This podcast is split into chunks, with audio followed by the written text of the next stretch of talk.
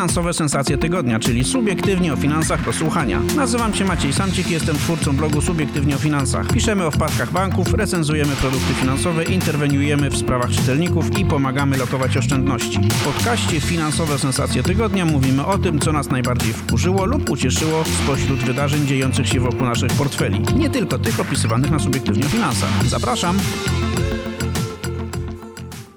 Kochani, witam Was serdecznie w kolejnym odcinku podcastu Finansowe Sensacje Tygodnia. Dzisiaj jesteśmy w galowym składzie. Witam Was Maciek Samcik oraz Irek Sudak, dzień dobry. Maciek Bednarek, dzień dobry. Czyli cała ekipa e, podstawowa, że tak się wyrażę, subiektywnie o finansach, bo mamy pro współpracowników. Ci z Was, którzy czytają subiektywnie o finansach, e, już e, zapewne się e, zorientowali i, i zobaczyli nowe nazwiska. Myślę, że w następnych tygodniach nasi nowi koledzy również zawitają do podcastu Finansowe Sensacje Tygodnia. Oczywiście nagrywamy tak jak od no, kilkunastu tygodni w warunkach pandemicznych, czyli zdalnie, więc wybaczcie ewentualne odgłosy życia rodzinnego, które się mogą pojawić w tle. Dzisiaj mamy trzy albo cztery tematy, w zależności od tego, ile się zmieści, a zaczniemy od mega awarii w biurze maklerskim. Pod koniec zeszłego tygodnia rynkiem finansowym wstrząsnęła mega awaria w biurze maklerskim y, jednego z dużych banków. No nie można było składać transakcji kupna, nie można było nic kupić, nie można było nic sprzedać. No, inwestorzy byli przerażeni i oczywiście takie rzeczy się zdarzają, ale, ale zwykle trwają kilkadziesiąt minut. No jak źle pójdzie, to może dwie albo trzy godziny i system wstaje. No a tym razem system nie wstał e, i tak leżał przez jeden dzień, leżał przez drugi dzień naprawdę doprowadził wielu mm, klientów do królewskiej pasji. Sprawie tej przygląda się Maciek Bednarek. Y, o ile wiem, jest już jakiś przynajmniej wstępny finał tego całego zamieszania. E, no i pytanie, na co mogą liczyć y, ludzie, którzy stracili pieniądze wskutek tego, że, że system informatyczny tak bardzo długo nie działał.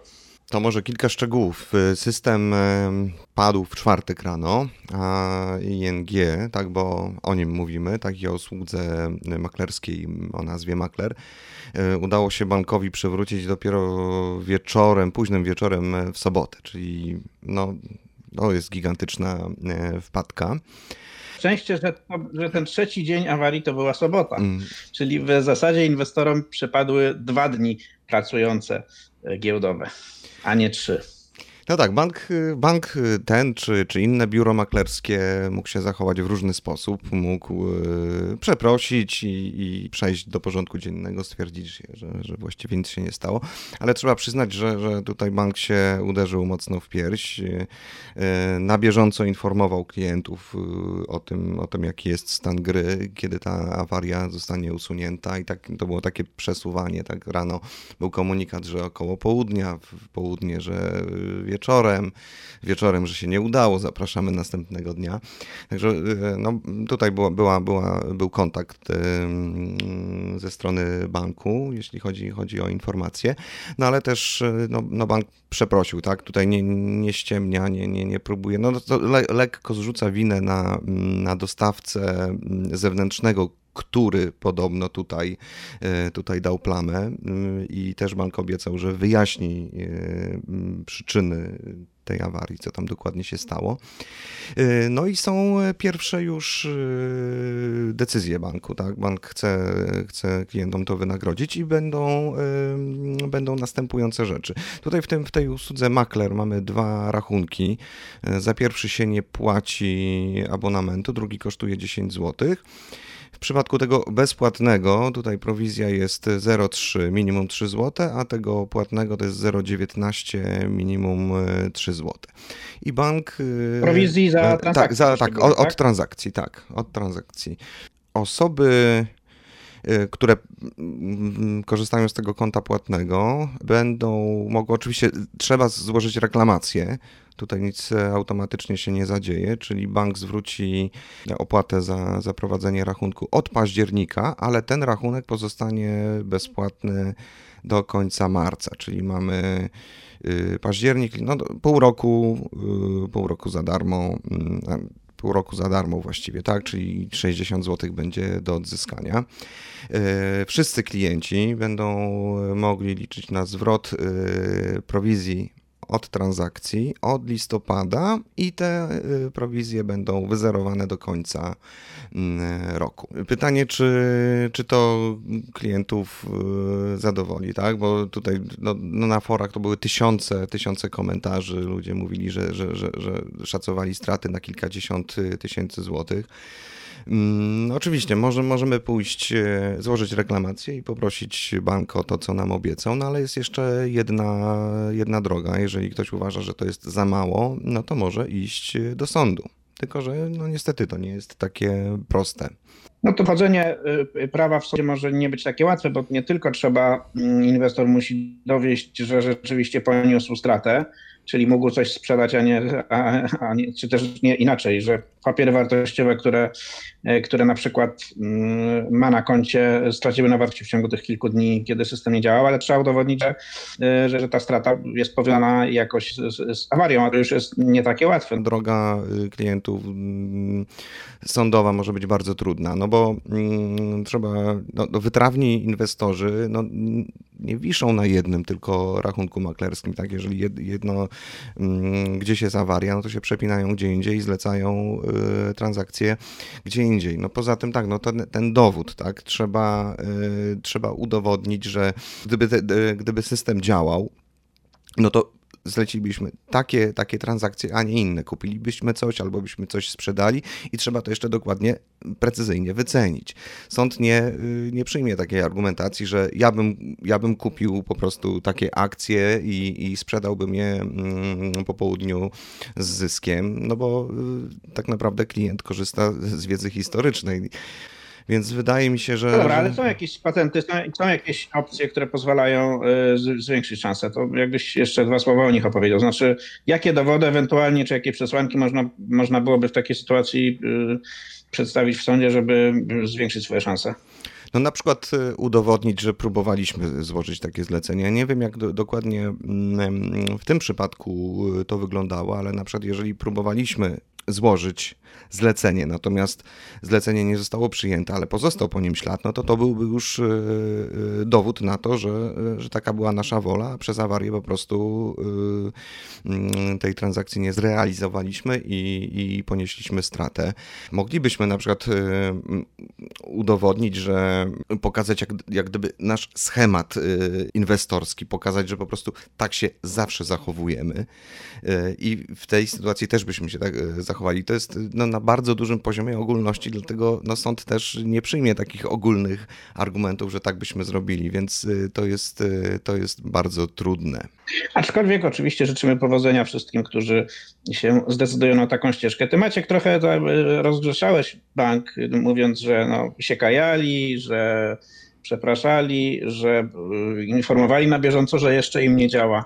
Tak, no, to, to z mojego punktu widzenia to trochę E, na, na takie rozgrzeszenie bank nie zasłużył, ale oczywiście i, i oczywiście no, mam, mam głębokie przekonanie, że jednak nie wszystkich inwestorów usatysfakcjonuje zwrot prowizji przez zaprowadzenie rachunku przez jakiś czas i ewentualne darmowe zlecenia. No natomiast oczywiście błędy się zdarzają. Ten błąd jest o tyle wyjątkowy, że trwał, e, że doprowadził do, do, do katastrofy w zasadzie systemu informatycznego.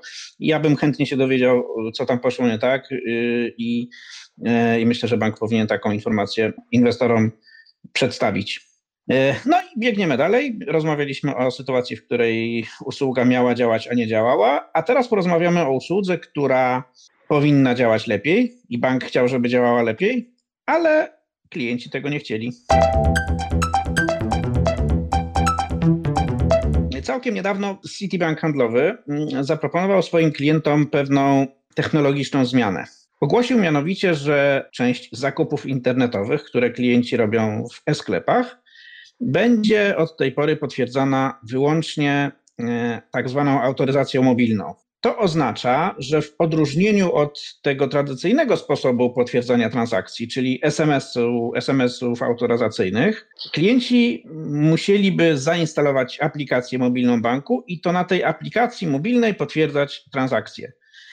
Czyli no, potwierdzać, że rzeczywiście chcą zrobić taki a taki zakup w tym a tym sklepie.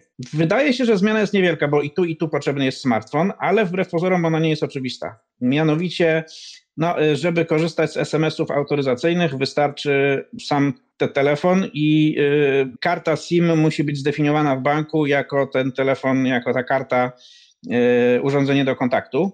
W związku z tym, jak kupuję coś w internecie, to bank wysyła mi na mój telefon komórkowy SMS-a z pytaniem, czy właściwie z kodem autoryzacyjnym. Ja tym kodem potwierdzam, że rzeczywiście chcę dokonać zakupu.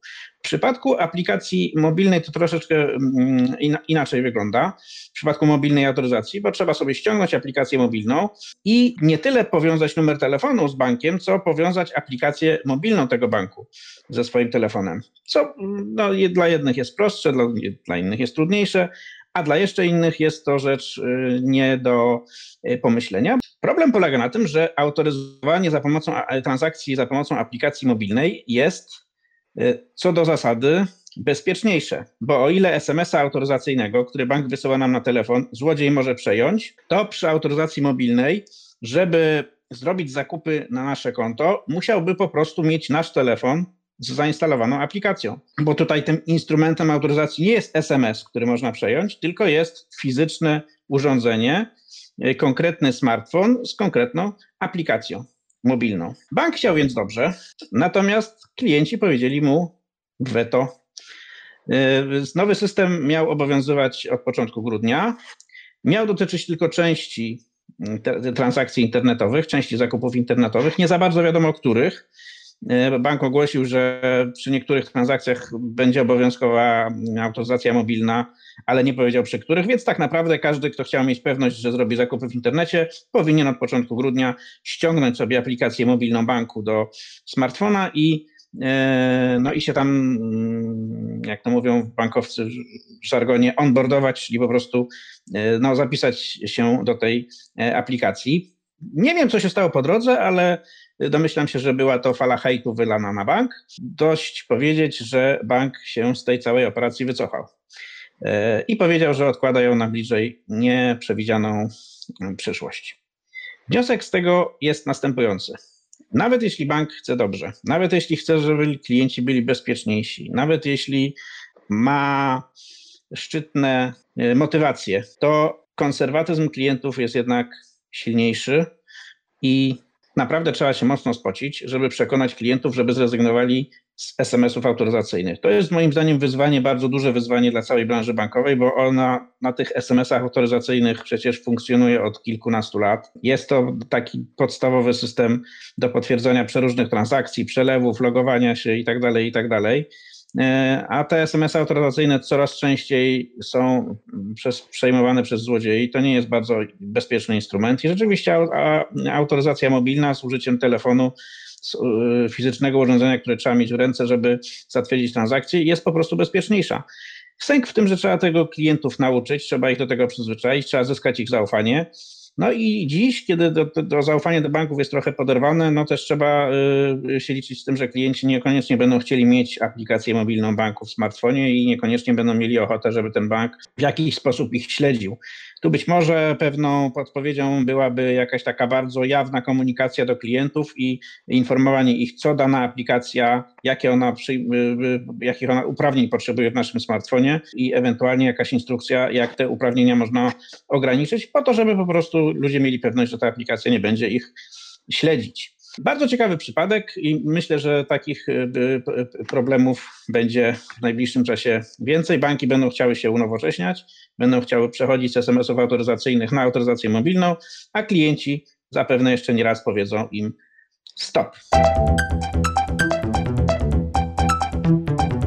Kolejny temat, który chciałem poruszyć, to jest kwestia oszczędności emerytalnych. Jak wiecie, jest grudzień. Grudzień jest ostatnim miesiącem w roku, co oznacza, że jest to też ostatni miesiąc, żeby skorzystać z tegorocznej ulgi e, podatkowej, jednej z nielicznych ulg podatkowych, które nam jeszcze zostały, e, ulgi na systematyczne oszczędzanie na emeryturę. Do końca grudnia należy wpłacić pieniądze na konto IGZE, jeśli chce się odpisać całą tę wpłatę od podatku za ten rok. Czyli jeśli wpłacicie pieniądze na XR, de facto godząc się na to, że blokujecie je aż do wieku emerytalnego, to wszystko, co wpłacicie, będzie y, odpisywane od podatku, co oznacza, że 17% tej kwoty lub 32%, w zależności od tego, jaki podatek płacicie, wróci do Was najdalej w maju przyszłego roku przy najbliższym rozliczeniu podatkowym. Ja nie, nie, będę się teraz rozwodził na temat tego, y, czym jest to konto IGZE. Y, na ten temat mamy y, artykuły w Subiektywnie o Finansach. Ostatni z nich jest dosłownie sprzed kilku dni.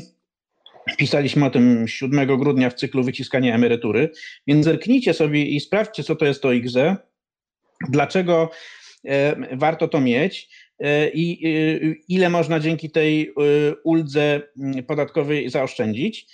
A są to całkiem duże kwoty. To w maksymalnym możliwym wariancie do wyjęcia jest 2007 zł. To jest oczywiście propozycja dla tych z Was, którzy i tak oszczędzają, i tak gdzieś lokują oszczędności i mają te wolne środki, żeby je zablokować żeby kilka tysięcy z tych pieniędzy, do, do, do, dokładnie limit w tym roku wynosi 6 tysięcy, niecałe 6300 zł, żeby te pieniądze zablokować do emerytury i dzięki temu wyciągnąć sobie e, albo 17% z nich, albo 32% z nich w postaci ulgi podatkowej. Zachęcam do zapoznania się z ostatnim tekstem na ten temat 7 grudnia na Subiektywnie o Finansach. E, no i pamiętajcie o tym, że trzeba się zmieścić e, przed końcem roku z tą ulgą podatkową, e, z, z tym z tą wpłatą na IGZE, żeby zainkasować ulgę podatkową. No, e, my na subiektywnie o finansach, jeśli chodzi o IGZE, polecamy konto z grupy AXA TFI, między innymi dlatego, że no nie, nie, nie tylko dlatego, że te fundusze, które tam są w środku, mają bardzo niskie opłaty za zarządzanie i, i że mm, no, one są po prostu dobrze zarządzone, ale tam jest jeszcze fajna promocja, która pozwoli pozwoli Wam dodatkowo wyjąć sobie poza tym tysiącem czy dwoma tysiącami złotych e, ulgi podatkowej ekstra 200 zł. Zachęcam, po, poczytajcie i e, nie zapomnijcie poza tym, żeby wziąć prezenty z podchoinki też, nie, nie zapomnijcie zadbać o prezent e, dla siebie, taki prezent podatkowy. A skoro jesteśmy przy prezentach, to sobie jeszcze porozmawiamy o takim bardzo popularnym, myślę, prezencie, który będzie w, w tym roku królował pod choinką, o pewnej niezwykle słynnej grze komputerowej, która właśnie debiutuje. Kilka razy był opóźniany ten debiut.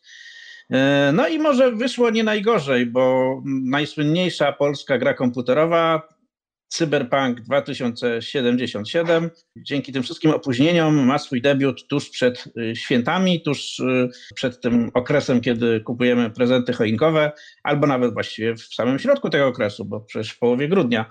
Pytanie brzmi, czy to rzeczywiście będzie taki hit, jak wszyscy myślą y, i co to wszystko oznacza dla ludzi, którzy albo już lokują pieniądze w, w spółkach gamingowych, czy tych które produkują gry, a konkretnie w, w, w spółce CD Projekt, y, która jest autorem Cyberpunka 2077. No i co, co, co to oznacza dla ludzi, którzy może dopiero teraz się dowiedzą, mm, jakie to e, jest wielkie i wspaniałe przedsięwzięcie i będą chcieli kupić akcje tej spółki, licząc na to, że po wielkim sukcesie cyberpunka mm, jeszcze na nich zarobią. Co ty, mm, Irku, drogi, o tym wszystkim myślisz? Czy, czy to będzie sukces, czy to będzie rozczarowanie? Czy to będzie sukces, czy to będzie e, rozczarowanie? Tego e, nie wiemy, ale mm, chciałbym e, zacząć od pewnego krótkiego testu i zapytać się Was, czy Wy zamierzacie kupić egzemplarzyk nowej gry, czy, czy, czy, czy raczej to nie jest coś, co Was bawi?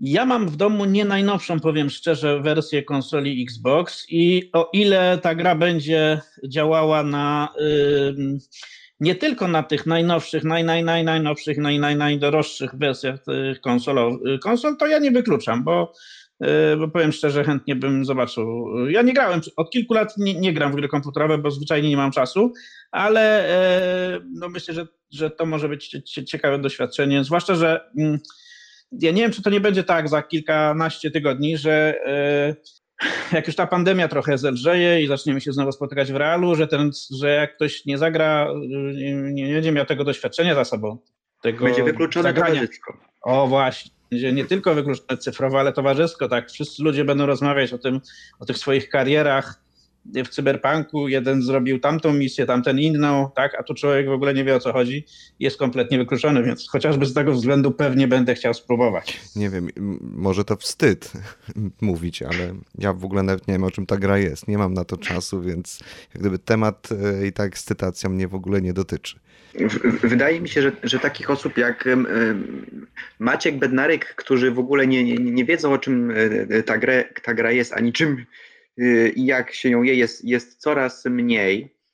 Y, faktem jest, że nikt jeszcze z, z normalnych, szarych y, ludzi w, to, w tę grę nie grał, no bo jeszcze jesteśmy mm, kilkanaście, kilkadziesiąt godzin przed premierą. Ale jak będziecie słuchać tego podcastu, to może być różnie, bo może już być po premierze. Może być już ja co prawda w tę grę nie gram, ale słyszałem, że, że już ta gra wyciekała gdzieś z magazynów. Już. To tylko świadczy, tak, to tylko świadczy o tym, y, jak duże są oczekiwania, jakie emocje mm, rozpala ten tytuł, nie tylko w Polsce, ale w zasadzie na całym y, świecie, przede wszystkim y, w Stanach Zjednoczonych, który to jest największy rynek, jeśli chodzi o gaming na świecie i tam CD Projekt sporo namieszał. Ja dla porządku dodam, że, że, że zamierzam sobie właśnie mm, spróbować e, zakosztować e, tego nowego tytułu, chociaż może też wstyd się przyznać, ale e, jeśli chodzi o Wiedźmina, to mm, no nie miałem styczności do tej pory z tym tytułem. Także moja Wiedźmin to ten poprzedni projektem... megahit, prawda? Tak, na, na tak. Także moja przygoda z CD Projektem dopiero y, się zacznie. Wiele osób, y, inwestorów, ale też ludzi, którzy może na co dzień interesują się giełdą, słyszało o tym, jak bardzo wzrósł kurs CD Projektu, czyli właśnie wydawcy, autora mm, Wiedźmina i Cyberpunka, jak bardzo ten kurs wzrósł w ostatnich e, latach e, na fali dwóch rzeczy.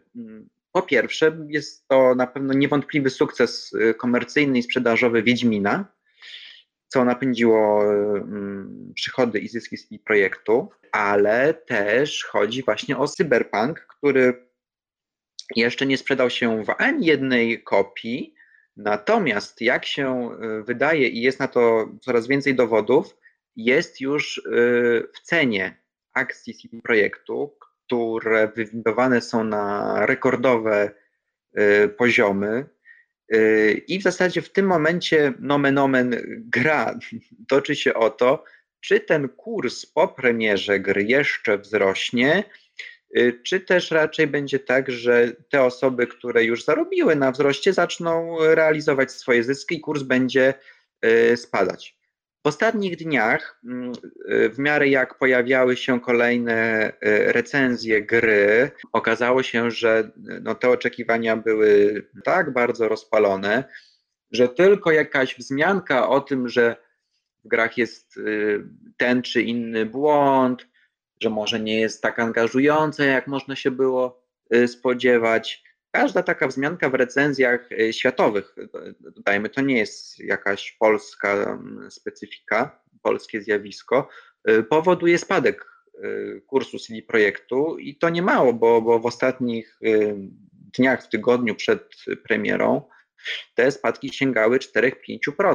To, to nie jest mało z jednej No tak, ale mówimy, ale mówimy o spółce, która 5 lat temu dokładnie, tak. a chyba wtedy się rozpoczęła historia tej gry w takim sensie, że, że już było wiadomo, że, że No nawet będzie... 8, szczerze mówiąc, to pierwsza hmm? zajawka to, to, to pierwsza zajawka gry Cyberpunk pojawiła się, słuchajcie, w październiku 2012 roku.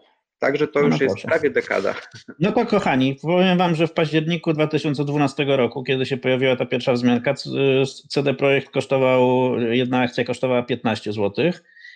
W 2015 roku, czyli 5 lat temu, mm, kiedy ta, ta chyba produkcja się zaczęła, to cena akcji CD Projekt wynosiła 20 zł, a teraz wynosi 400 zł, czyli jest 20 razy wyższa niż wtedy, kiedy historia cyberpunka się rozpoczęła. I teraz pomyślcie sobie, jak gigantyczny to musi być sukces, żeby uzasadnić taki wzrost ceny akcji. Kupowałbyś Irek teraz po 400 zł CD Projekt?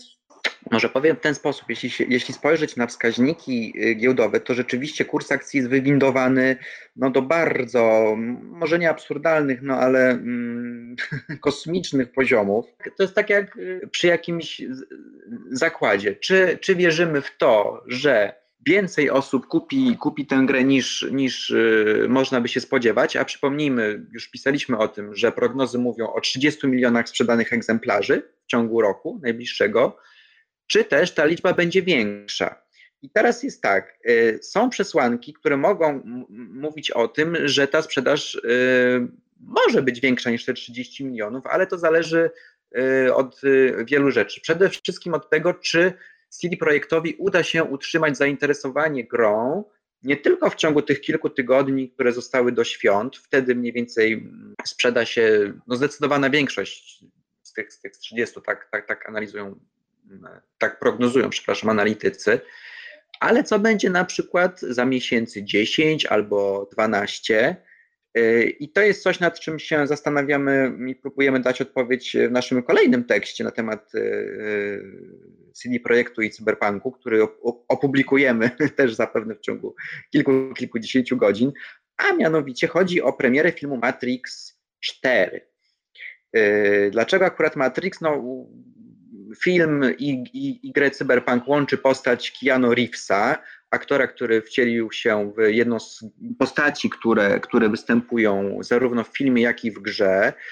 I może być tak, jak było w przypadku premiery Wiedźmina na Netflixie. Otóż, mimo że serial Wiedźmin y, miał premierę 5, 4 lata, 4 lata po premierze gry, ostatniej odsłony gry Wiedźmin, to ponownie napędził sprzedaż CD Projektowi, tak, że e, te przychody w pierwszym kwartale ubiegłego roku wzrosły o kilkadziesiąt procent w porównaniu do poprzednich kwartałów, co było związane bezpośrednio właśnie z zainteresowaniem gry e, Wiedźmin, bo ludzie zobaczyli serial. I może być tak, że jak ktoś obejrzy sobie nowego Matrixa, to pomyśli sobie, aha, no, no, to, no to może kupię też tą grę, skoro, skoro, skoro y, jest ten Keanu Reeves, jest ten mm, cyberpunkowy y, klimat. Może być tak, że y, to przysporzy nowego zainteresowania i nowych klientów. Ale czy tak będzie, ale czy tak będzie, no to, to się okaże po pierwsze dopiero za rok. Do tego czasu różne rzeczy mogą się zdarzyć i jak widzimy z tego, co się dzieje w ostatnich dniach, to kurs akcji CD Projektu będzie poddany no, różnym testom i próbom. Każda informacja o jakimś błędzie, każda informacja, y, że coś jest nie tak, informacje o tym, że na przykład może być, nie wiem, opóźnienie publikacji różnych dodatków, albo że te dodatki będą za tanie, albo będą za drogie. Trzeba się liczyć z tym, że kurs może się zamienić w kolejkę roller coaster i jeździć z góry na dół. No nie jest to dzisiaj inwestycja dla kogoś, kto lubi spokojnie spać. E, no i też powiedzmy sobie szczerze, te 400 zł mm, za akcję to dzisiaj jest y, taka cena, która już uwzględnia w sobie e, taką sytuację, w której E, Cyberpunk 2077 jest dobrym prezentem, jednym z najbardziej pożądanych prezentów pod choinkę nie tylko w tym roku, ale i w przyszłym roku. E, no, ekipa Samcika życzy Wam, kochani, jak najfajniejszych prezentów pod choinkę. E, nie wiem, czy akurat na waszej liście prezydentów jest Cyberpunk, ale, e, ale jeśli tak, to, to życzymy wam, żebyście mogli zagrać. Mimo, że te pierwsze recenzje, takie przedpremierowe, które ja czytam, to one są trochę, e, tam no, wskazują dużo błędów i że ta, ta gra bywa denerwująca przez te błędy. Ale pewnie warto się o tym przekonać na, na własnej skórze. Kochani, życzymy Wam mm, dobrego tygodnia i y, owocnych przygotowań do świąt y, Bożego Narodzenia i do usłyszenia za tydzień. To był kolejny odcinek podcastu Finansowe Sensacje Tygodnia. Żegnają się z Wami Maciek Samcik. Irek Sudak. Maciek Bednarek. Do usłyszenia. Inne odcinki tego podcastu znajdziesz na stronie Subiektywnie o Finansach www.subiektywnieofinansach.pl. Zapraszam!